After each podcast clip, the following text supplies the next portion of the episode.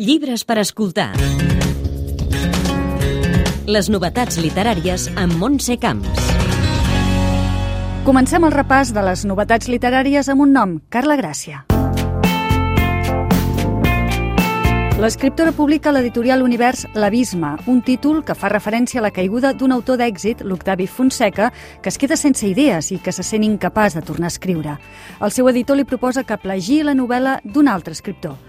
Aquesta proposta li provoca un dilema i moltes preguntes. Què passa que l'altre és millor que jo?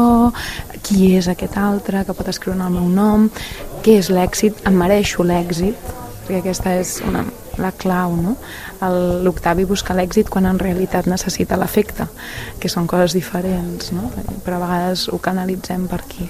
Al declivi com a autor se li suma el fracàs del seu matrimoni i l'aparició sobtada de la mare, que l'havia abandonat quan era petit i que troben morta. L'obra tracta així la pèrdua i la frustració i també parla d'un món complex, el de l'edició i la feina d'escriptor. Escriure és un procés de maduració i si no ets capaç d'anar fins a les tenebres de tu mateix, el que escriuràs no et valdrà la pena ja no només els lectors que per suposat, sinó per tu mateix. I de cop, el banyolí Josep N. Santa Eulàlia publica amb l'editorial Proa Banderes dels altres. És la seva catorzena obra des d'on s'endinsen diverses nissagues familiars que intenten deixar enrere les ferides de la Guerra Civil.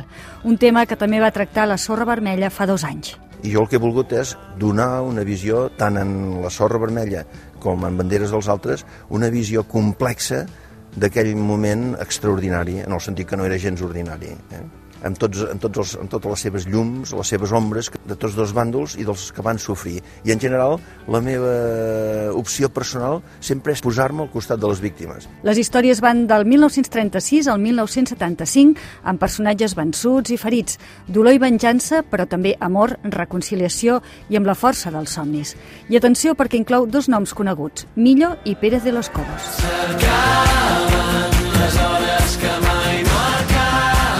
L'escriptora basca Eider Rodríguez publica Un cor massa gran, un conjunt de relats que li han fet guanyar el Premi Llibreters de Guipúscoa i el Premi Euskadi de Literatura 2018. Són petites històries com la d'una dona que ha de cuidar el seu exmarit perquè té justament un cor massa gran. Tots són personatges que es troben en un moment on sembla que tot està a punt d'ensorrar-se i des d'on l'autora observa la línia que separa l'amor del dolor, com explicava el matí de Catalunya Ràdio. Todos somos muy, muy, muy parecidos, ¿no? Realmente lo que nos define y lo que nos diferencia suelen ser pequeños detalles, ¿no? Y es a través de estos pequeños detalles que yo he querido contar estas vidas ordinarias que a la vez también pueden ser heroicas, ¿no? Hoy, hoy en día. La publica l'editorial Periscopi amb traducció de Pau Joan Hernández. L'un davant de l'altre en una taula que ara sembla diferent i per acabar, tres títols més i molt destacats. Duomo Ediciones publica Me quedo aquí, de l'italià Marco Balzano, on explica la resistència d'un petit poble del nord d'Itàlia que desapareix sota l'aigua perquè es pugui construir una presa hidroelèctrica.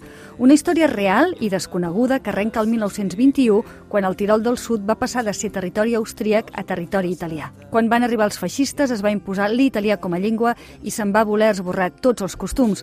L'obra parla de la pèrdua d'identitat i de la lluita per mantenir-la. I dues perles més, Mirar-nos de cara, de la nord-americana Vivian Gornick, publicat per l'altre editorial i en traducció de Martí Sales. Una col·lecció d'assajos que exploren la seva pròpia lluita diària per mantenir una vida independent en solitud i alhora implicar-se amb el món que ens envolta. I els anys, Dani Ernó, publicat per Angle Editorial i en traducció de Valèria Gaillar, una autobiografia de sis dècades de la seva vida, però que traspassa el propi jo per convertir-se en un relat de la memòria col·lectiva. Mestre i pionera de la literatura autobiogràfica, Ernó Escriu diu contra l'oblit que tots patirem. I el seu llibre, justament, s'obre amb una cita de Chekhov, que és la que tancarà el Llibres per escoltar d'avui. L'escriptor té l'última paraula. Sí, ens oblidaran. És la vida, no hi ha res a fer. Anton Chekhov. Llibres per escoltar. Les novetats literàries amb Montse Camps.